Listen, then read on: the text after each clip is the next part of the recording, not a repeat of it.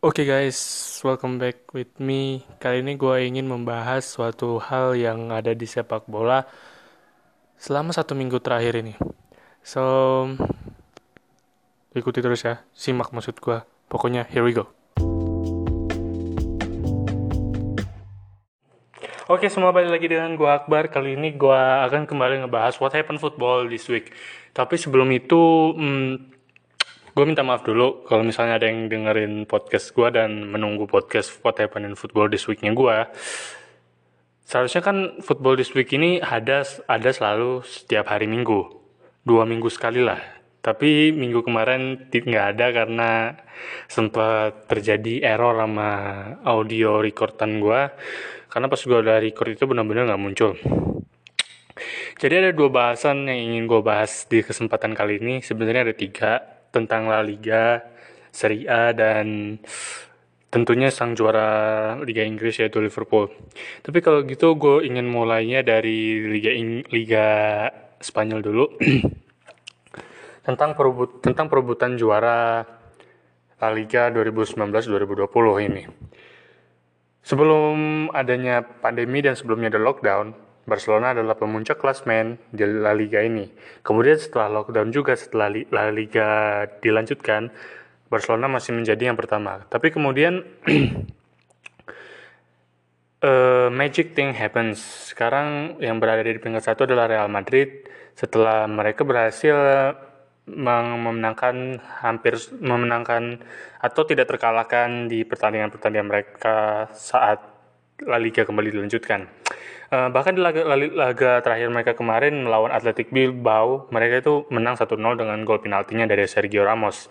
Nah, berbanding balik dengan itu, sang, pem, sang mantan pemuncak klasmen ini, Barcelona, mereka mengalami hal-hal buruk dan mengalami hasil-hasil buruk.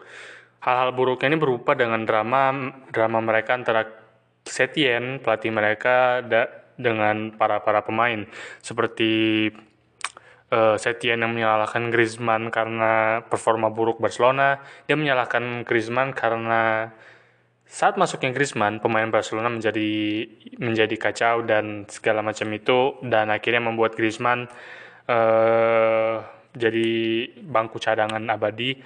Kemudian ada masalahnya Griezmann dengan Messi, kemudian juga masalah Messi yang nggak mau mendengarkan instruksi dari asisten pelatih Setien dan banyak hal-hal yang terjadi di Barcelona ini banyak orang yang kayak untuk ngehapus manajemen mereka aja apa eh, menghapus lagi eh, meng apa untuk memaksa manajemen mereka itu bertemu untuk out bertemu out segala macam karena kalau bisa dilihat sekarang kebijakan transfer dari dari Barcelona atau mungkin pemain-pemain Barcelona tuh benar-benar lagi nggak bagus mereka membeli membeli pemain pemain dengan sangat mahal kemudian dijual lagi kemudian dipinjamkan dan membuat pemain yang pergi yang menuju ke Barcelona itu alih-alih mendapatkan uh, mendapatkan ke pelajaran atau mungkin dapat sejar dapat masuk dalam sejarah Barcelona itu sendiri tetapi mereka hanya menjadi merusak karir mereka. Mereka nggak jadi meningkatkan karir mereka. Contohnya aja kayak Filipe Coutinho dari Liverpool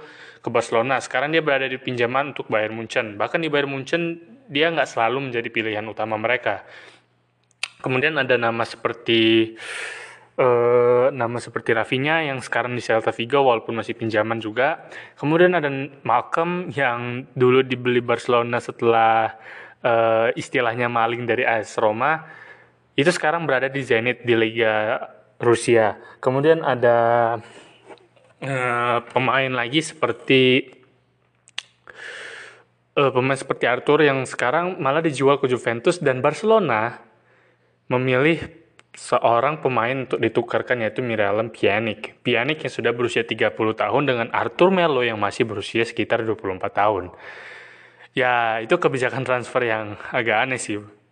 Pjanic bagus, cuman dia sudah terlalu tua dan kalau bisa kita lihat nih kita analisis di gelandang-gelandangnya Barcelona itu udah lumayan-lumayan tua kayak ada nama seperti Arturo Vidal, kemudian ada Sergio Busquets, kemudian ada tambah Miralem Pjanic ya gimana nggak makin tua mungkin mereka masih ada kayak Ricky Puig kemudian masih ada beberapa pemain lagi dari kata dari pem ini mereka tapi kalau mau dari dari mau dilihat dari senior mereka eh gelandang mereka itu udah pada tua-tua. Jadi mereka itu harus mencari untuk reinkarnasinya. Tetapi alih-alih untuk mencari reinkarnasinya, mereka malah membeli kembali pemain yang lebih tua. Ya gitu. Jadi Arthur Melo yang berusia 24 tahun dipindahkan ke Juventus dan Barcelona ingin penukaran pemain dengan Miralem Pjanic yang berusia 30 tahun. Kemudian ada kayak transfer-transfer kayak Braithwaite dari Leanes kalau nggak salah Kemudian ada lagi transfer Jaram Boateng yang orang-orang kayak mikir itu buat apa, ternyata cuma buat bang, bangku cadangan doang. Dan malah setelah cuma setengah musim di situ dia pindah lagi, dijual lagi ke Fiorentina kalau nggak salah. Jadi ya kebijakan transfer yang agak aneh dan kebijakan transfer yang bisa dibilang suka panik dalam membeli pemain yang membuat para fans Barcelona tuh kayak kesel dan geram gitu. Nah, berlanjut dari drama La Liga, ada kabar juga dari Serie A dari salah satu tim yang bisa dibilang salah satu tim kuat zaman dahulu di sepak bola yaitu AC Milan yang sekarang apa ya ada kesempatan untuk kembali berkompetisi berkompetisi di UL. Sebenarnya musim ini mereka bisa berkompetisi di UEFA Europa League, cuman mereka terkena kasus FFP kalau nggak salah ya, yang akhirnya membuat mereka nggak bisa ikut Europa League. Uh, musim dua musim terakhir ini untuk AC Milan tuh benar-benar buruk, benar-benar terpuruk. Mereka tuh kayak bisa dibilang udah menjadi salah satu tim papan tengah. Uh, 11-12 lama AS Roma Ya 11-12 sama AS Roma. Uh, tapi kemudian uh, setelah di bulan Januari di bursa transfer mereka mendatangkan Zlatan Ibrahimovic kembali dari LA Galaxy untuk kembali bermain bersama AC Milan itu mungkin salah satu keputusan yang tepat yang diambil oleh manajemen dari AC Milan. Terbukti AC Milan yang sebelum kedatangan Zlatan Ibrahimovic yang benar-benar uh, menurun, benar-benar terpuruk setelah masuk situ dia menjadi salah satu klub yang Oke kita lanjut. Tadi gue bahas di sampai di AC Milan. Uh, setelah kedatangan dari Zlatan Ibrahimovic ini, mereka semakin semakin membaik dengan keadaan mereka.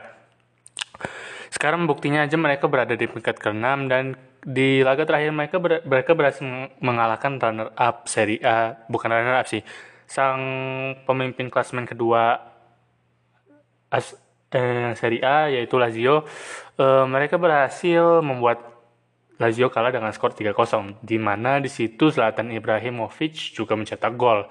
Dan ada seperti Ante Rebic dan satunya lagi gue lupa. Zlatan Ibrahimovic ini nggak cuma uh, berkembang membantu berkembang AC Milan di segi uh, timnya saja, tapi dia juga berhasil meningkatkan performa timnya dengan motivasi.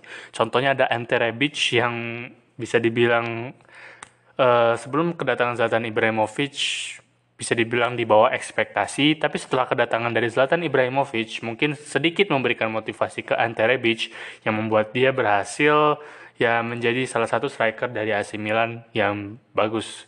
Cuman sekarang lagi underrated aja, lagi jarang dilihat oleh media. Tapi menurut gue sekarang itu udah berkembang dan semakin bagus. kayak ada nama-nama pemain juga kayak Hakan Calhanoglu dan yang lain-lain itu benar-benar udah berkembang sejak kedatangannya dari Zlatan Ibrahimovic ini. Uh, jadi kesempatan untuk meraih tiket UL itu semakin semakin apa ya semakin terlihat untuk AC Milan. Jadi untuk musim ini mereka bisa dibilang uh, lebih baik mengincar tiket untuk UL dulu karena untuk UCL sendiri itu sudah nggak mungkin karena peringkat keempatnya itu untuk di playoffnya ada Atlanta yang sudah kayak yang sudah 60 poin ke atas kalau nggak salah. Jadi ya kesempatan paling di peringkat 5 untuk naikin sedikit gengsi aja di peringkat 5 ada AS Roma yang gak, yang selisih poinnya nggak jauh dari peringkat 6 yaitu AC Milan. Jadi ya AC Milan bisa lah, bisa dibilang ini salah satu tanda kejayaan AC Milan, tanda-tanda untuk kembali ke kejayaannya kalau mereka berhasil untuk tetap bermain positif, untuk tetap bermain dengan uh, hal yang sama seperti yang mereka lakukan sekarang ini. Dan ya nggak menurun-menurun nggak terlalu roller coaster amat nggak naik turun naik turun bisa mereka untuk ke UL itu ada kesempatannya uh, terus akhirnya gue akan ke pembahasan utama yaitu tentang sang juara Liga Inggris yaitu Liverpool FC yang kemarin yang semalam baru menang melawan Aston Villa dengan skor 2-0 di mana itu skor dicetak oleh Mane dan Curtis John. Tapi di laga sebelum melawan Aston Villa ini mereka berhasil dikalahkan oleh Manchester City dengan skor 4-0. Nah, sang tim yang mengalahkan Liverpool ini yaitu Manchester City juga mengalami kekalahan setelah setelah mereka berhasil menang melawan Liverpool FC yaitu mereka kalah melawan Southampton dengan skor 1-0 di mana skor dicetak oleh Che Adams. Uh, terus gue mau bahas faktor-faktor kenapa bisa menjadi juara di tangan Jurgen Norbert Klopp ini. Ini menurut pendapat gue, ini benar-benar dari real opini opini gue mungkin ada tambah-tambahan kayak hal-hal lazim yang diberitakan oleh media faktor-faktornya. Jurgen Norbert Jurgen Norbert Klopp itu pertama kali datang ke Liverpool setelah Brendan Rodgers mengalami kekacauan bersama Liverpool di musim 2015-2016 uh, mengalami banyak kekalahan dan bahkan kayaknya hampir belum memenangkan pertandingan di 11 laga terakhir. Koreksi kalau nggak salah. Uh, Brandon Rodgers juga melepas beberapa pemain mereka seperti pemain pentingnya seperti Luis Suarez yang ke Barcelona bahkan mem, bahkan melepaskan Steven Gerrard ke Stoke Steven Gerrard ke LA Galaxy dan Raheem Sterling ke Manchester City. Dan bahkan di laga farewellnya Steven Gerrard itu, di laga perpisahan yang seharusnya bisa menjadi good ending buat seorang Gerrard, itu malah berakhir dengan set ending, di mana mereka harus kebantai oleh Stoke City dengan skor 6-1. Uh, at least Steven Gerrard ngegolin sih, walaupun itu sakit banget. Uh, setelah kejadian itu ditunjuklah pelatih mantan pelatih Borussia Dortmund yaitu Jurgen, Jurgen Norbert Klopp di musim 2015-2016 di pertengahannya. Musimnya itu bisa dibilang salah satu musim roller coasternya Jurgen Klopp di musim pertamanya. Uh, berhasil mencapai dua final yaitu Carling Cup final melawan Manchester City dan UEFA Europa League final melawan uh, Sevilla uh, itu untuk sampai ke sampai ke dua final itu bukan salah satu hal yang mudah untuk seorang Jurgen Klopp karena uh, dia harus melatih tim yang dengan eh, pemain-pemain seperti Alberto Moreno, Dejan Lovren atau mungkin ada pemain seperti Mamadou Sakho. Itu benar-benar dia harus menggunakan taktik itu dan ya sudah bisa dibilang sangat bagus. Walaupun di musim itu mereka sama sekali nggak masuk ke UEFA Europa League, zona UEFA Europa League. Tapi di musim selanjutnya, di musim 2016-2017, terjadilah the real roller coasternya Jurgen Klopp. Musim petam, musim penuh pertamanya Jurgen Klopp ini, dia berhasil ponis finish di posisi keempat. Uh, walaupun banyak roller coaster, banyak kekalahan kayak kalah lawan Burnley dengan skor 2-0, kalah dari Hull City dengan skor 2-0, kemudian kalah tragis melawan AFC Bournemouth dengan skor 4-3 tetapi hal hal tersebut nggak membuat Liverpool menjadi kembali terjerumus tapi mereka berhasil posisi, finish di posisi keempat. Tapi di musim 2017-2018 hampir saja Jurgen Klopp mendapatkan namanya pemecatan dari manajemen Liverpool. Karena Liverpool sama hampir mengalami musim yang sama saat mereka dilatih di musim terakhir mereka dilatih oleh Brandon Rodgers. Di mana di musim itu Brandon Rodgers belum sama sekali meraih kemenangan dan itu yang hal yang sama dialami oleh Jurgen Klopp. Mereka seri, mereka seri melawan Newcastle, mereka kalah melawan Manchester City dengan skor 5-0, mereka kalah lawan Tottenham dengan skor 4-1 Uh, tetapi mereka berhasil membenah, membenah dan membenah walaupun mereka sudah mulai mendapatkan form terbaik mereka di mana mereka tidak terkalahkan dalam 22 laga terakhir. Tetapi sayangnya di bulan Januari mereka harus melepas mega bintang mereka yaitu Filipe Coutinho ke Barcelona. Banyak orang-orang yang di situ yang bilang kayak Liverpool bakal nggak bisa ngapa-ngapain saat Filipe Coutinho nggak ada.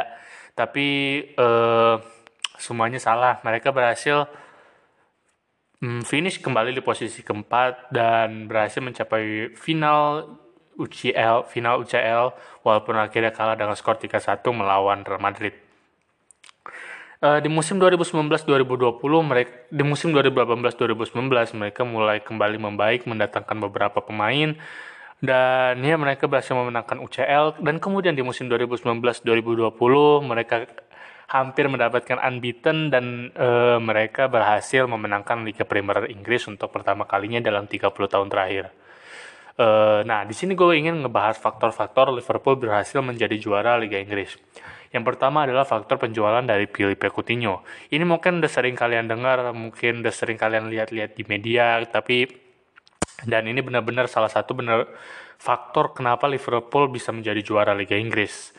Uh, pertama, penjualan Filipe Coutinho ini mendapatkan duit yang sangat besar, sekitar 100 100 miliar euro kalau nggak salah sekitaran situ dan dimanfaatkan langsung oleh manajemen dari Liverpool atau biasa dipanggil FSG yaitu mereka membeli Van Dijk dari Southampton dengan uh, rekor transfer klub sebelum akhirnya dipatahkan Aymeric Laporte dengan total 75 miliar pounds. Kemudian di musim selanjutnya mereka mendatangkan lagi uh, defense untuk memperkuat pertahanan mereka mendatangkan Alisson Becker dari AS Roma dengan mematahkan rekor transfer sebelum akhirnya dipatahkan lagi oleh Kepa Rizabalaga. Uh, terus mereka terus membenah dengan mendatangkan Fabinho, Sheridan Shakiri, kemudian mendatangkan Takumi Minamino juga salah satu walaupun Takumi Minamino juga belum terlalu uh, berkontribusi bersama Liverpool. Terus di faktor kedua ada di mental juara yang diberikan oleh Jurgen Klopp. Uh, kalau kalian tahu saat di final Community Shield melawan Manchester City di musim 2019-2020 di awal, Liverpool tuh kalah melawan Manchester City di adu penalti. Dan di saat Manchester City mengangkat piala, alih-alih Liverpool untuk meninggalkan lapangan dan ke ruang ganti, mereka malah menyaksikan itu. Nah, itu diduga karena Jurgen Klopp yang memerintahkan pemain-pemain Liverpool untuk menyaksikan Manchester City juara agar mereka tahu rasa sakitnya saat melihat rival juara mengangkat piala. Jadi itu mengangkat mereka, mengangkat mental mereka agar kayak nggak membiarkan rival mereka untuk memenangkan memenangkan satu trofi pun dan itu berhasil. Mereka beberapa kali berhasil menang di menit-menit terakhir dan salah satu yang terbaik menurut gua adalah saat mereka melawan Aston Villa di kandangnya Aston Villa itu skor 1-0 udah sampai menit 88, tapi di menit 89 skor menjadi 1-1 dan saat full time itu skornya 2-1. Dan bisa dibilang itu merupakan salah satu hal yang membuat uh, Liverpool mempunyai mental juara. Champions mental, Champions mental jadi ya itulah. Kemudian faktor ketiga ada di pertahanan mereka, gelandang mereka dan pastinya penyerang mereka, trio Mane, Salah, dan Firmino. Trio Mane, Salah, dan Firmino ini sudah unjuk gigi semenjak musim 2017-2018. Setelah Salah datang ke klub, kemudian menemani Firmino dan Mane dan Coutinho sebelum akhirnya Coutinho pergi. Mereka menjadi salah satu trio yang bisa dibilang sangat tajam di UCL maupun di Liga. Di UCL sendiri mereka uh, sudah mengoleksi gol di atas 10 masing-masing. Kemudian di Liga ada Mohamed Salah di musim pertamanya berhasil meraih Golden Boot dengan gol 32-nya memecahkan rekor dari Luis Suarez. Kemudian ada peran juga dari Alisson Becker yang di musim 2018-2019 itu berhasil mem mempertahankan 10 clean sheet di laga di awal laga pertama. Itu benar-benar kayak clean sheet itu dia dapet dapetin semua secara beruntun dan itu juga nggak lepas dari peran dari Virgil van Dijk dan salah satu back muda Liverpool yaitu Joe Gomez. Kemudian gak, jangan lupa sama peran dari fullback mereka yaitu Andrew Robertson dan Trent Alexander-Arnold yang di musim 2019-2020 meraih yang namanya salah satu merupakan back yang terbanyak meraih uh, assist di atas 10. Andrew Robertson musim lalu di atas 10, Trent Alexander-Arnold juga di atas 10 dan bahkan Trent Alexander-Arnold tetap konsisten berada di atas 10 menyaingi Kevin De Bruyne walaupun Kevin De Bruyne tetap di atasnya sih. Dan jangan lupakan salah satu peran dari kapten mereka Jordan Henderson yang bisa dibilang mematahkan kritik-kritik yang diberikan ke dia. Karena banyak yang bilang kayak Jordan Henderson ini nggak cocok untuk jadi kapten Liverpool, bukan orang yang cocok untuk menggantikan Steven Gerrard, bla bla bla. Tapi dia berhasil mematahkan itu dengan mengantarkan Piala Champions League, mengantarkan Piala UEFA Super Cup, habis itu ada Piala UEFA ini Club World Cup, kemudian ada Piala ini Premier League yang akan diangkat mereka saat melawan Chelsea di tanggal 22 nanti. Dan ya itu aja yang bisa gue ceritain tentang kenapa faktor-faktor Liverpool menjadi juara dan kemudian ada dari La Liga, title race-nya La Liga, kemudian ada AC Milan apakah mereka bisa untuk, kembali kejayaan mereka. Uh, sebelum itu gue minta maaf dulu atas keterlambatan What Happened in Football this week-nya kalau ada yang mau dengerin juga dan kalau ada yang nungguin uh, karena sempat mengalami ke apa ya namanya error lah. Dan alhamdulillah dan bagusnya sekarang udah kembali. Dan ya itu aja yang bisa gue sampaikan semoga para kopitas di sana tetap bersenang hati dan bersiap untuk handle shuffle tanggal 22 nanti. Uh, untuk semuanya terima kasih. Kalau gue ada salah kata atau salah informasi mohon dimaafkan. Gua Akbar and we're close. Bye.